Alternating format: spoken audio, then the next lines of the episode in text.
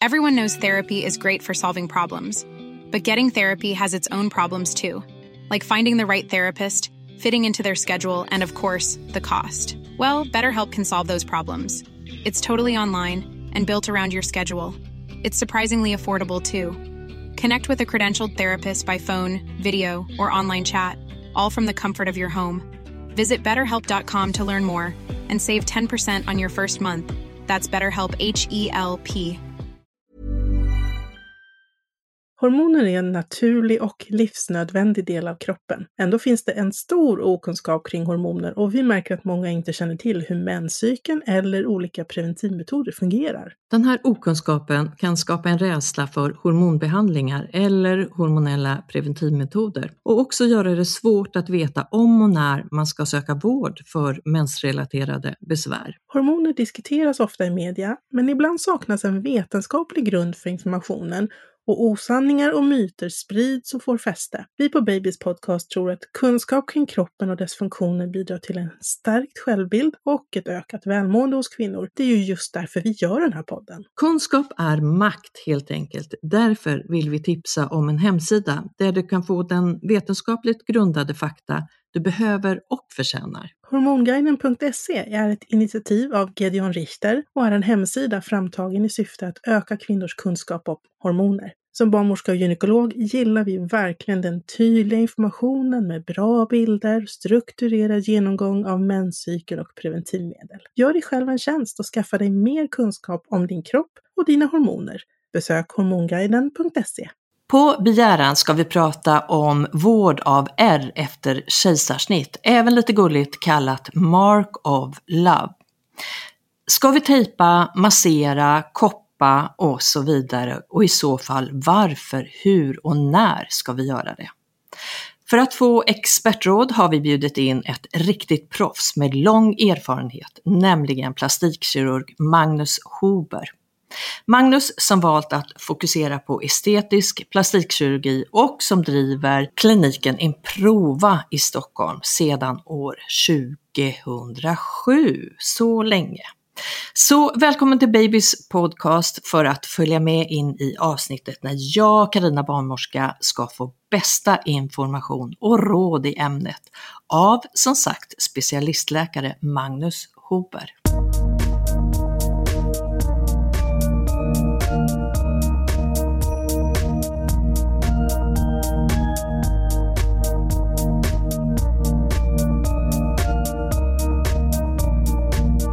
Välkommen till oss Magnus.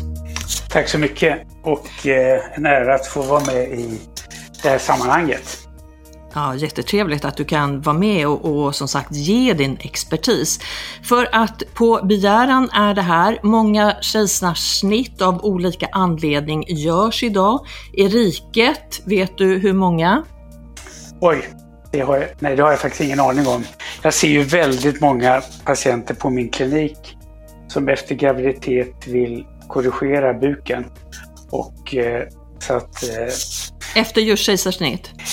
Oftast är det ju så här att när kvinnor har fött ett barn så kanske det går bra. Två barn eller tre barn, då plötsligt händer någonting med buken. Separerade bukmuskler. Och så kanske de tar upp, ja, magen ser ut så här och sen har jag det här hänget här ner till efter kejsarsnittet. Eh, så att det är vanligt, väldigt vanligt att jag ser det efter graviditeter. Men jag har ingen mm. aning om hur många Jag kan tala om för dig. Görs. 18,6 procent är det, men då har vi inget 2023 utan, eh, och inte 2022 heller, utan det är 2021 som har kommit som vi mm. vet mm. statistiskt sett. Men eh, den siffran kommer att öka och det finns två fantastiska sätt att föda barn på, varav det ena är med, ja vi kallar det olika, vi kallar det kejsarsnitt, vi kallar det kejsarfödsel, vi kallar det magfödsel och eh, ja, samma namn för en härlig födsel kan vi väl mm. säga. Men Magnus, du har två killar själv. Hur har ja, ni fött? Jag har tre, tre killar. Du har tre killar? Ja. Hur har ni fött? Något eh, snitt? Det var så att eh, de två första föddes på normal väg. Tredje pojken han kom ut redan i vecka 26 och då blev det mm. akut snitt. Och då var det en duktig polsk eh, läkare på Danderyd som sa varför har ni inte gjort eh, flödesmätning på navelsträngen och och så bestämde jag nu blir det snitt omgående. Så det blev väldigt brådskande. Mm. Så jag, eh, jag stod och opererade, gjorde en bröstbeminskning. Jag fick lämna till min kollega och åka till Danderyd för att vara med vid kejsarsnittet. Ja. Det var dramatik. Ja, verkligen, verkligen. Men idag tre fina killar. Ja, verkligen. Ja, lite, lite äldre, eller ja, äldre och Lite äldre, äldre och, ja. och, i sina Inga egna bebisar. karriärer. Inga bebisar längre. Nej, nej. Men du, många, många undrar ju över det här hur, eh, alltså man kan väl säga först och främst att eh, ärren på magen, mark of love, vissa älskar dem att ha dem där och, och så kan det få vara. Vissa vill veta hur ska jag ta hand om, om det här och vissa vill komma till dig och dina kollegor och göra en korrigering efteråt. Så, mm. så vi har hela spannet där kan vi väl säga. Mm. Men men vad skulle du säga om, om vi börjar från början så finns det ju två sätt att sätta ihop det här ärret. Det finns ju suturer, alltså tråd som vi kan sy ihop med och så finns det ju sådana här agraffer eller staples, de här metallklamrarna. Mm. Va, va, vad säger du om, om de olika sätten? Är det ena ja, bättre än det andra? Jag skulle vilja börja med att säga att jag skulle önska att man fick lära gynekologer att operera på ett sådant sätt att det blir mindre problem med ärren. Många, nu, nu säkert många som kommer att hacka på mig, men det är faktiskt så att det görs på väldigt olika sätt. Många gånger så blir ärren okej okay för att anledningen är att det inte är så mycket spänning när man syr ihop det. Men vi som plastikkirurger, vi syr i olika lager för att vävnaden, vävnadskanterna ska ligga dikt an. Och tyvärr så ser man ju inte alltid det efter ett kejsarsnitt. Så att, jag skulle vilja säga så här, om ärret är tjockt upphöjt och det är snett eller fult, då kanske man inte ens vill rekommendera olika sätt att, att få det snyggt, utan då kanske man säger att vi behöver se om det. Mm. Men eh, så först och främst kirurgtekniken. Och då kan jag säga agraffer, ja, agraffer kanske är bra för den kirurgen som inte är van att sy olika lager. Annars så gillar jag inte spontant agraffer eftersom agrafferna skapar ett litet stickmärke som blir väldigt tydligt på båda sidor om ärret. Så jag är inte förtjust i agraffer. Helst så vill man att de syr olika lager och att man lägger det så kallade bikinisnittet så pass långt ner så att det inte stör patienten. Om det nu ligger kant i kant ärret, ja då skulle jag säga att man ska tejpa ärret. Och det finns ju otroligt många studier på det här med att tejpa ärr. Mm. Men du, pa pa pausa där. Vi, vi kommer tillbaka till tejpen. Mm. Jag har nog aldrig sett någon som inte har sytt lager, alltså lager för lager. Och idag så, så läggs ju alla eh, så gott som, som bikinisnitt. Och sen om det är agraffer eller suturer, det är lite olika på olika kliniker och det är nog personbundet till den kirurg eller gynekolog som, som syr också. Jag ser inte och har nog aldrig sett eh, den här, de här staples, agrafferna. Nej, men det som jag ser, ofta så är det ju så, du får rätta mig, men patienter ligger i sidoläge när de snittar. Att ofta så går inte ärret rakt utan det går upp på ena änden så att det går lite snett. Så även om, och när jag säger sy olika lager då talar jag inte om djupt ner utan jag talar om att djupa, att sy subkutis, djupa dermis, ytliga dermis, interkutant. Och det tror jag inte att så många gynekologer gör men, de, men det viktigaste är att adaptera så att kanterna ligger kant i kant.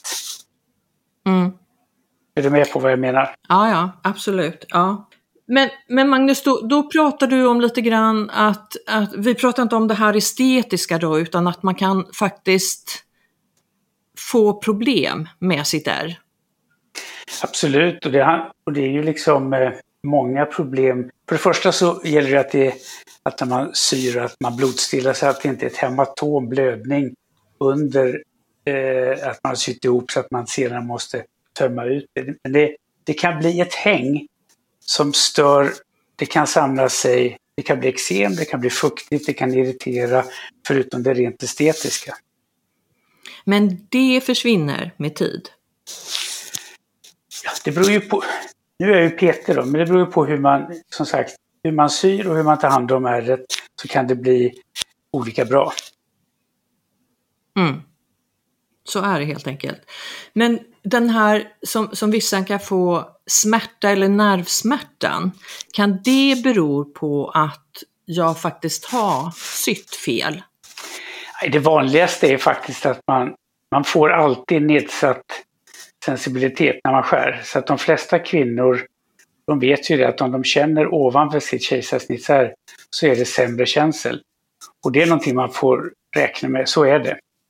Eh, men sen är det en del som får hyperestesi, det vill säga att det sticker och pirrar och är obehaglig känsla. Och jag skulle säga att det nog inte har så mycket att göra med hur de syr utan vissa drabbas på det viset. Så fort man sätter kniv i någon så kan det uppstå problem. Men du, man skär ju av de här så kallade nervändarna, men när de växer och hittar tillbaks till varandra, då borde ju den smärtan oftast gå tillbaks. Ja, men det är vissa som får bestående smärtor eh, och det är inte så vanligt, men det kan förekomma.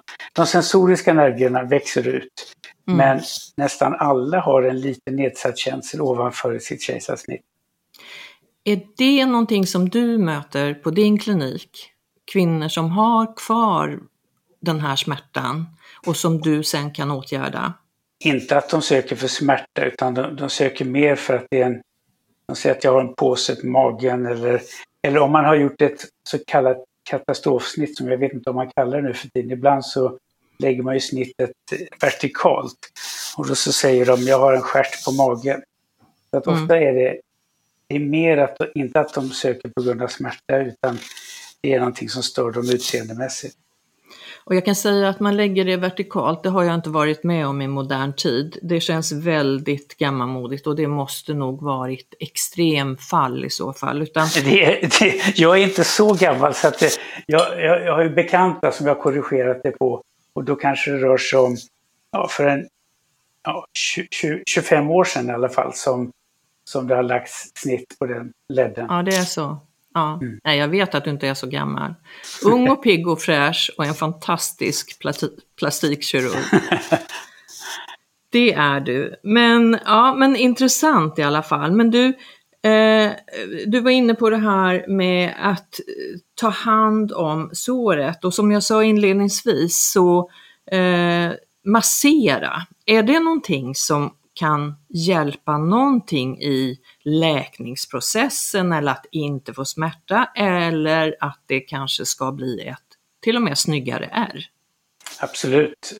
Att massera kan göra att man minskar svullnad, förbättrar lymfavflödet så att eh, det kan definitivt vara hjälp. Men förutom att man ska tejpa. För att tejpa är grunden för ett fint ärr. Men massera kan absolut hjälpa till. Och när börjar man med det? Egentligen så sätter man ju tejpen direkt på i samband med operationen. Och, eh, vi brukar säga till våra patienter att man byter tejp kanske var fjortonde dag. Eh, byter man för ofta då är risken när man drar bort den här mikropoltejpen, det är att man rycker med små hu ytliga hudceller och då kan det bli en irritation som i sig kan skapa ett fult ärr. Låt tejpen sitta i två veckor, sen rullar man försiktigt bort den och byter till ny tejp. Men du, det här med massagen då, är det samtidigt som man tejpar? Jag skulle säga så här att massagen, det måste komma in när det har gått så pass, alltså det bör gå ett par veckor så att det i alla fall är ett, eh, sitter ihop. Så att mm. man inte riskerar att eh, skada själva ärrläkningen. Men massage senare efter tre veckor, det är helt okej. Okay. Sen hur stor betydelse det har, det är svårt att svara på. Och hur masserar du? Finns det några kneptips eller finns det något big no-no? Nej, alltså jag, jag pratar inte om massage som plastikkirurg utan om patient frågar mig om jag kan massera ärr så att det ska bli bättre så säger jag visst. Men det finns ingen teknik som jag vet eh, det här fungerar bättre eller sämre. Det kan jag inte uttala mig om. Nej, men du, du, då är vi inne på tejpen igen och när jag står med som jag ju ofta gör vid kejsarsnitt och så gjort i ganska många år så har ju tekniken sett eh, ungefär lika, eller ungefär, den har sett likadan ut.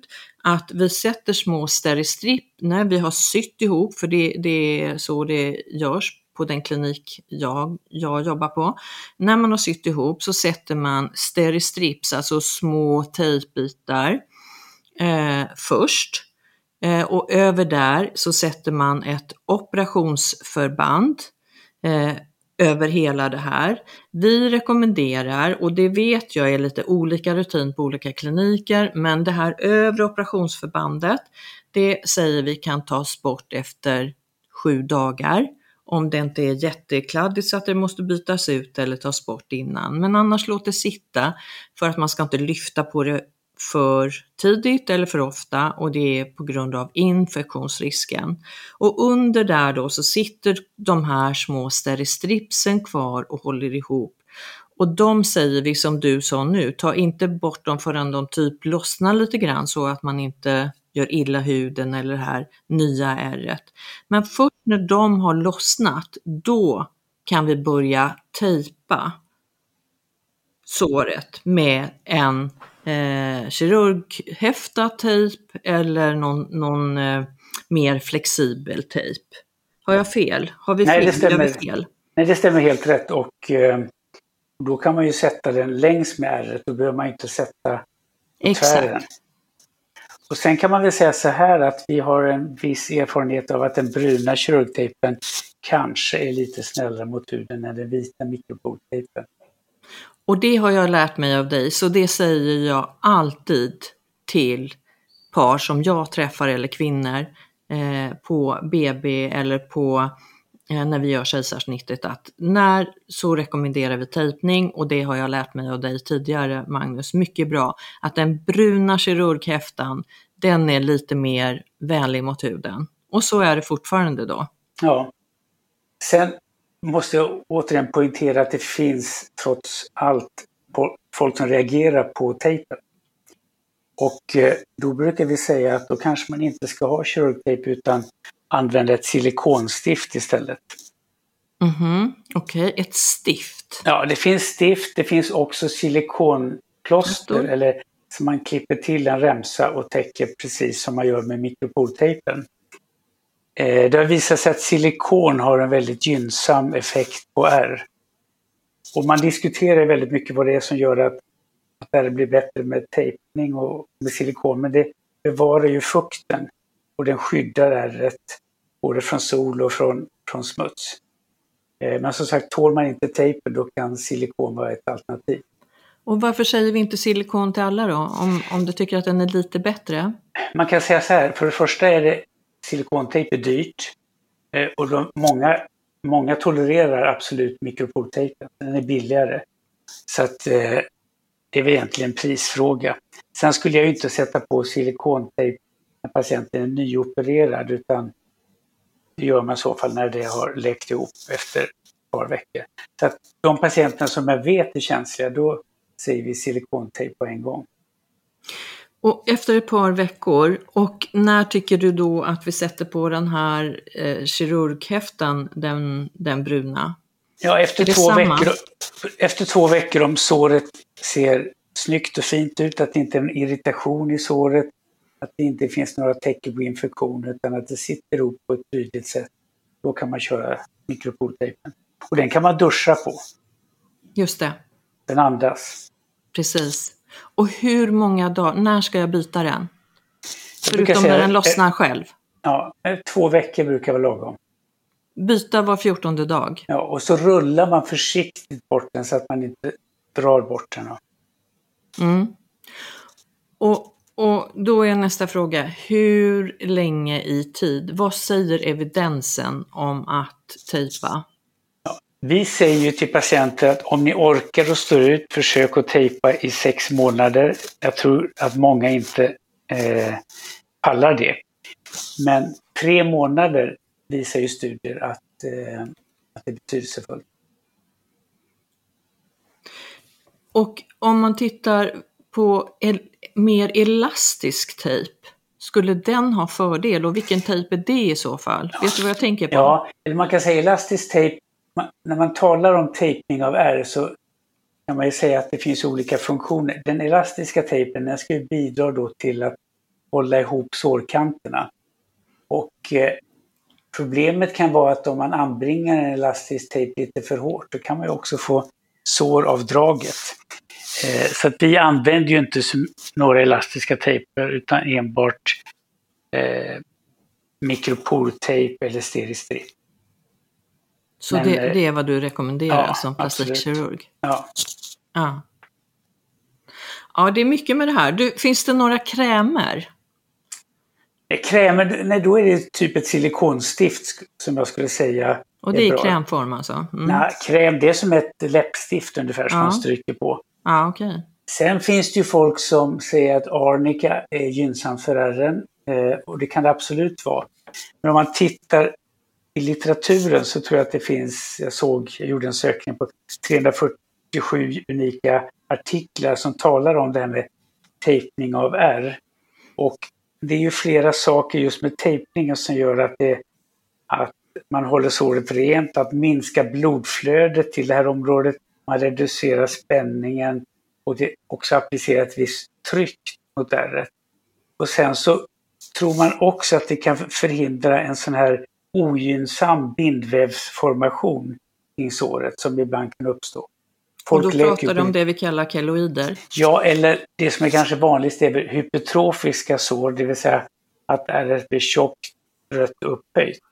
Keloider, de är egentligen sådana att de växer som en svulst utanför ärrets gränser. Det, så det är ju inte så vanligt som folk tror. Man säger oftast keloid om ett förtjockat ärr.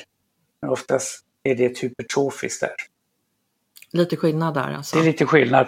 Man kan säga att eh, får man en äkta keloid som alltså växer utanför sina gränser, då är det dessutom väldigt riskabelt att skära om den för att risken är att det kommer tillbaka ännu värre.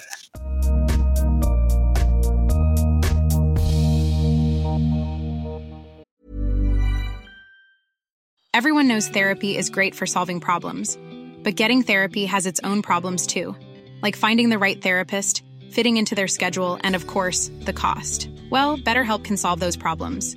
It's totally online and built around your schedule. It's surprisingly affordable too.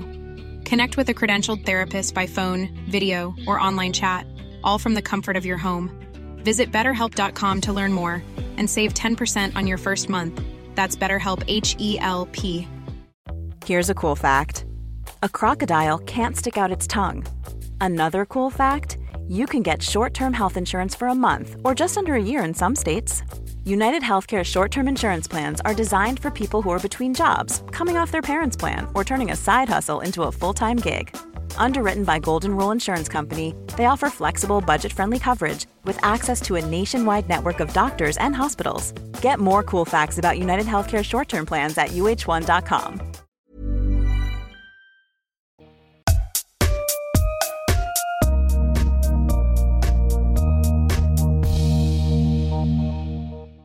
Alltså det finns alltså, det är inte bara det estetiska, så att man vill ha ett snyggt är. Det är inte bara därför vi rekommenderar tejpning Nej. under eh, eh, ja, sex månader eller längre om man om man står, Om man står ut, ja. Om man står ut. Eh, om jag har glömt eller inte gjort av någon anledning tejpat det här under några veckor eller någon månad i början, är det för sent och när Nej. är det för sent att Nej. börja? Det är inte för sent. Man kan säga så här, ett R mognar ju under minst ett års tid. Så att om du glömmer några veckor så har du fortfarande en aktivitet i ärret som pågår och du kan absolut påverka det gynnsamt med tejpning. Och det här att det för många kliar, vi var lite inne på det förut. Mm. Eh, skulle det kunna bidra till att det blir mindre klikänsla? Absolut. Med tejp, tejp eller med ja, silikon? Ja, tejpen och silikontejpen eller stiftet kan minska den där kliande. För ofta när det kliar i ett ärr då blir man lite misstänksam för att då kan det ju vara ett begynnande förtjockat ärr som håller på att utvecklas. Och de som får riktigt förtjockade ärr, de upplever oftast att det kliar väldigt mycket i ärret. Och då, då skiljer jag det från det här kliandet som är under Läknings... första veckorna när det är ja. läkningsprocess. Mm, just det. Mm, precis. Det är intressant det här. Eh, om man tittar på R-brock, alltså att det blir ett brock i själva R så är väl inte det jättevanligt. Men varför uppstår det? Vet du det Magnus? Alltså, folk utvecklar ju olika typer av R. Man talar om widespread scars, det vill säga att de har breddökade och det kan ju bli som ett brock. Och då beror ju oftast på att patienten har en bindväv, ett kollagen som kanske har den tendensen att det, st det sträcker ut sig. Och det kanske inte beror på kirurgisk teknik utan vissa personer utbildar sådana här breddökade är. Och andra utbildar tjocka upphöjda är. Så att eh, vanligtvis är det nog en individreaktion eh, på ärret. Är det någonting som man kan göra någonting åt? Då skulle man ju se om ärret. Om man får ett sånt här breddökat ärr som väldigt tunn hud i själva ärret, då får man ju som plastikkirurg skära ut hela ärret och så sy i olika lager och då försöker vi till och med skapa en liten ås, ridge suture, så att det blir en... Man verkligen, snyggt det lät. Ja, det ser, då undrar ju folk vad har du gjort för någonting? Jag har ja. ju jag har fått en sträng, men då, då är tekniken går ut på att man ska liksom dra upp så att kanterna är lite upphöjda, för sen när det läker och de här så kallade resorberbara trådarna som är und försvinner, då, då blir det platt. Så att man kan sy ihop det så att det håller sig bra sen efteråt. Så det finns hopp. Det finns hopp. Eh, och också att det, det, man kan göra det för att det ska kännas bättre. Absolut, för att får man ett, framförallt är väl de hypertrofiska eller för tjocka ärren, det blir ju en sträng som är obehaglig och det kan kännas i trosorna, det kan kännas i beröring. Eh, så det är absolut värt att försöka åtgärda det. Du var inne på, Magnus, att man kan ha allergi eller överkänslighet mot eh, plåster eller kirurgtejp. Kan man ha det mot silikonet också? Eller? Det finns faktiskt eh, beskrivet och det är mm. ju inte mm. vanligt men jag har hört om patienter som reagerar också på silikon. Och vad gör man då? då? Ja, eh, men då kanske det funkar med mikropoltejpen. Det, så det, ofta så finns det väl någonting att eh, tillgripa för att det är inte så vanligt att de inte tål silikon och inte tål mikropolhäfta. Alltså man får prova sig fram helt enkelt? Tillsammans med sin läkare eller sin duktiga barnmorska som tittar mm. på det här. Eh, nu kanske inte alla barnmorskor är lika intresserade som du, men det hoppas man ju och tror. Ja men absolut, absolut. Och framförallt så tycker jag att vi har ju, vi har ju mycket att eh, berätta med, med expertis som, som du kan göra Magnus om det här. För att det här är ju inte bara estetiskt utan det här är ju liksom någonting som vi ska leva med det här för många ett fantastiskt är också. Mark mm. of Love, det är ju faktiskt ett sätt att uh, av två att föda barn på. Så, så det är betydelsefullt. Men vi ska ju också må bra av det. Vi ska se till att vi inte får de här ärrbildningarna och, och brock och, och smärta och så mm. vidare. Så att det, ja, men det, det, eh, det är bra att vi kan ge informationen ut så att vi hela tiden blir bättre på det här. För det, det, jag vet att i olika regioner så säger vi väldigt olika och vi kanske borde ta till oss mera fakta och, och eh, vad är det som gäller så att vi kan hjälpa kvinnor där ute. Jag håller med och sen så finns det ju det finns andra behandlingsalternativ för de som får väldigt upphöjda förtjockningar. Om man inte ska se om dem så kan ibland då en plastikkirurg eller liknande spruta kortison i själva ärret för att få det att eh, sluta klia, bli plattare och lägga sig. Det finns olika strategier. Och när, när gör man det? Vanligtvis så väntar man ju ut det här ett halvår för att man ser åt vilket håll det här ärret är på väg. Ser man att det är ett tjockt och rött och kliande ärr efter ett halvår, ja, då låter jag inte patienten vänta ytterligare utan då skulle jag ju föreslå att man mm. sprutar kortison i ärret och ser om man kan få bukt med det. Mm. Så det finns alternativ? Absolut. Va, va, har du några fler tips eller behandlingsmetoder? Eh, alltså det finns då som finns också en möjlighet att behandla, men det måste göras ihop med en plastikkirurg eller hudläkare. Man kan lägga hydrokortison eller motsvarande kortisonsalva under en tejp för att få en ytterligare effekt på ärret så att det mjuknar. Men det måste göras i samråd med läkare för att kortison har ju eh, oönskade effekter också, kan tunna ut huden på ett felaktigt sätt så att det måste göras i samråd med en specialist.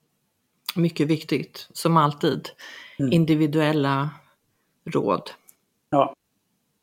Men du, då undrar jag över någonting som jag inte har kommit i kontakt med, men som jag ser förekommer och det är det vi kallar för koppning.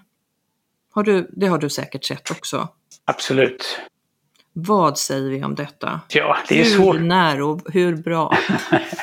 jag, jag, kan, jag kan för lite om koppning, men vi vet ju också så här att man kan man kan ju påverka bindväv och huden med olika sätt genom att sticka med nålar. Det finns något som heter Dermapen. Det finns olika saker som, som ska stimulera bindväven och då är koppling är ju, skapar ett undertryck i huden och påverkar vävnaden också på ett annat sätt. Så jag, jag tror, det kan säkert ha effekt, men jag tror, jag kan inte uttala mig om det. Jag har för lite eh, kunskap för att säga att det fungerar. Och jag tror att det är väldigt viktigt att man inte ger sig på koppling av ett kejsarsnitt i ett för tidigt skede. Den måste ha läkt upp så pass bra att man inte får problem med själva ärrläkningen. Och då är vi återigen inne där sex månader någonting eller? Ja, och jag ska inte tala om koppling eftersom det inte är mitt område. Jag, jag tror inte att du ställer till med någonting och jag vet inte hur pass mycket bättre det blir men det finns säkert en teori att det stimulerar bindväven och att det kanske har en smärtstillande effekt. Men jag kan, jag kan inte uttala mig om det.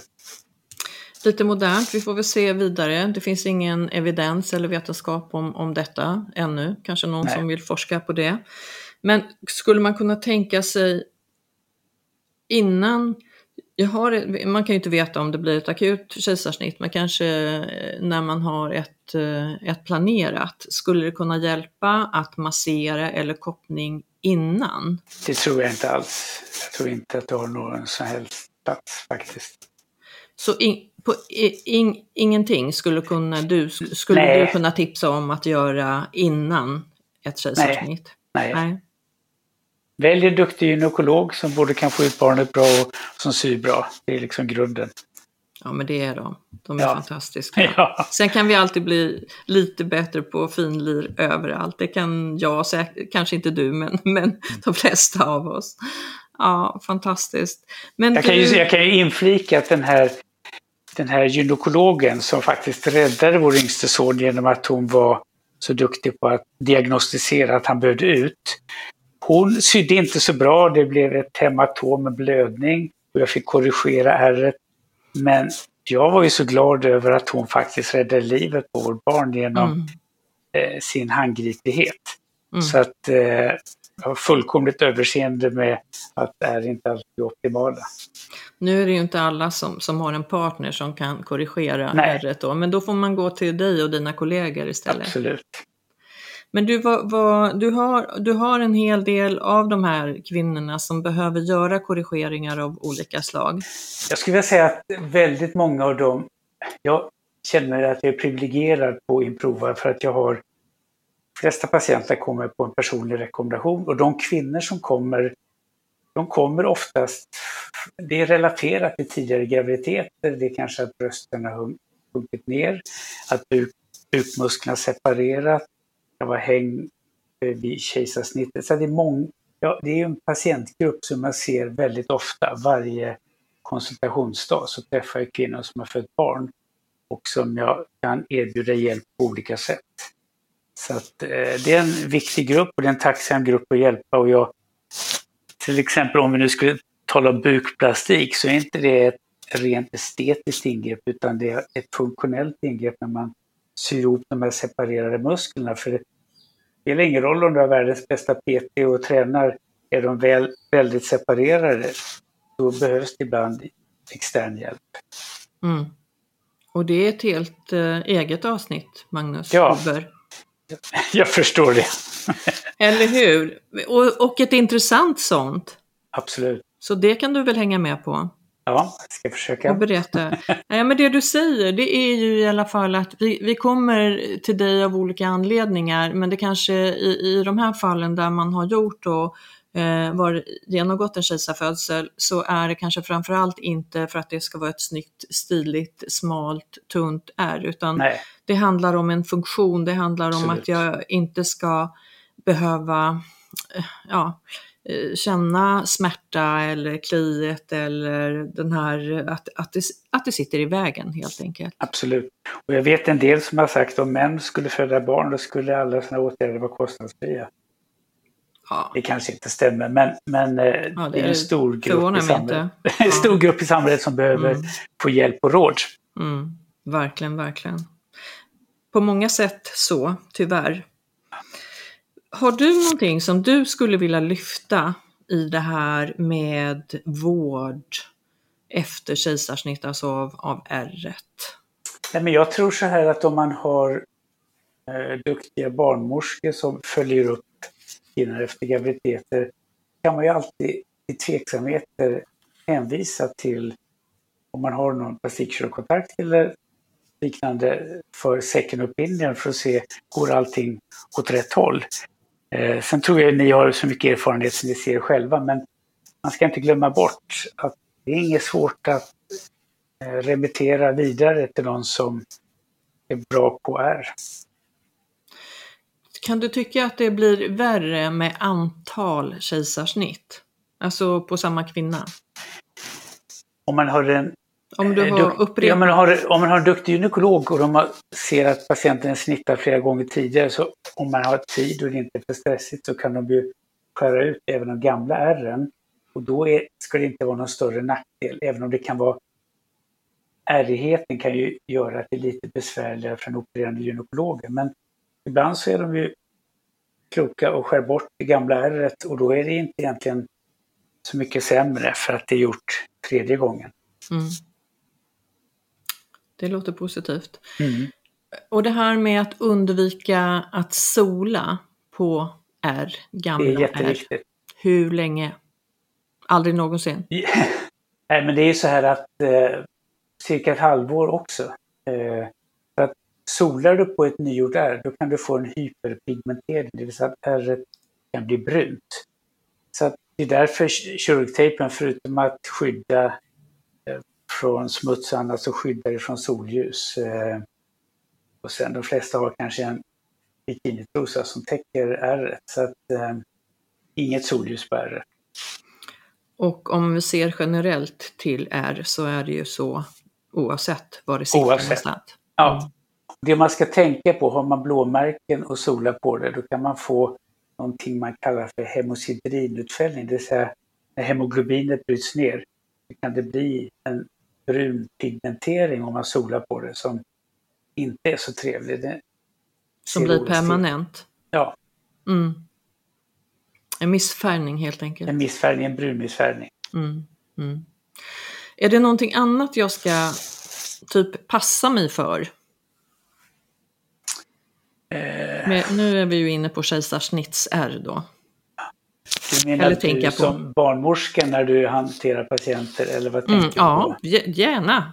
Eh, Ge mig tips. Nej, men jag tycker så här, du sa, man kan ju säga att ett, ett operationsår är bra att det är täckt i en vecka. Men sen finns det ju en, sen är det viktigt att ta bort förband också så att man ser att det inte är geggigt, kladdigt, rodnat. Så att, att kunna inspektera är, eh, tycker jag är viktigt. Men det är rimligt att det sitter på i sju dagar. Men jag menar att det luktar illa, är missfärgat och kladdigt är ju ett tecken på att man måste lyfta på förbandet och titta Mm. tidigare. Och det ser man ju oftast igenom det här Ja. förbandet när det börjar bli kladdigt. Men vad tycker du, eftersom vi nu har, eh, gör så olika, vad tycker du om de som tar bort det här yttre förbandet efter tre fyra dagar?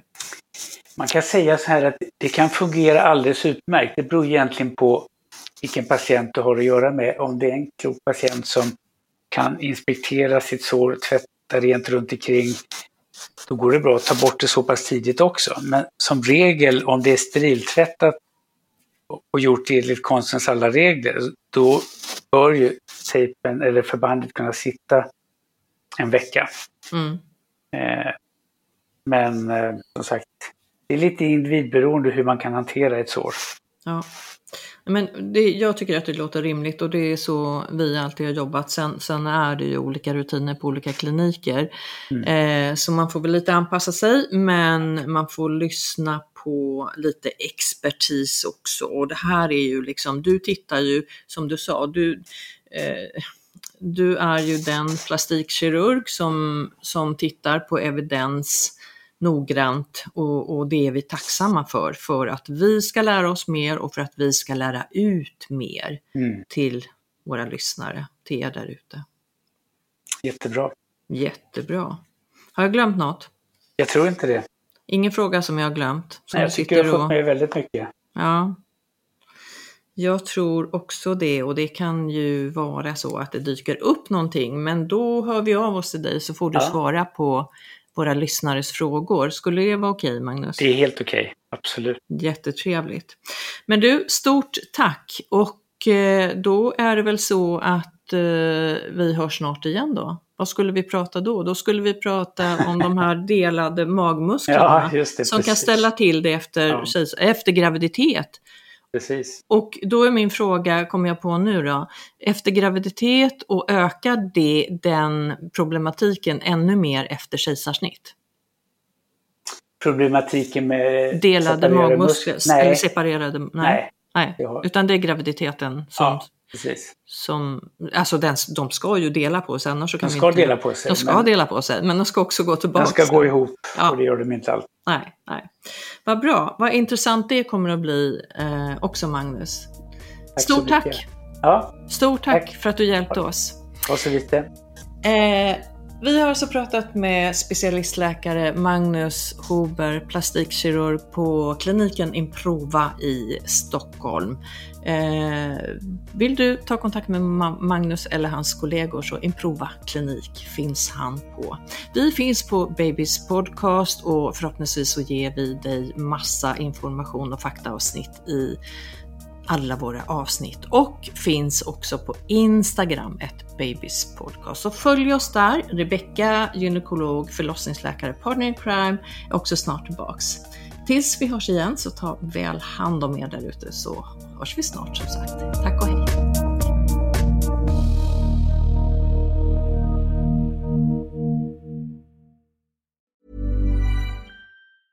Planning for your next trip? Elevate your travel style with Quince. Quince has all the jet setting essentials you'll want for your next getaway, like European linen, premium luggage options, buttery soft Italian leather bags, and so much more. And is all priced at 50 to 80% less than similar brands. Plus, Quince only works with factories that use safe and ethical manufacturing practices. Pack your bags with high-quality essentials you'll be wearing for vacations to come with Quince. Go to quince.com/pack for free shipping and 365-day returns. Imagine the softest sheets you've ever felt. Now imagine them getting even softer over time. That's what you'll feel with Bowl and Branch's organic cotton sheets. In a recent customer survey, 96% replied that Bowl and Branch sheets get softer with every wash. Start getting your best night's sleep in these sheets that get softer and softer for years to come. Try their sheets with a 30-night guarantee. Plus, get 15% off your first order at bowlandbranch.com. Code BUTTERY. Exclusions apply. See site for details.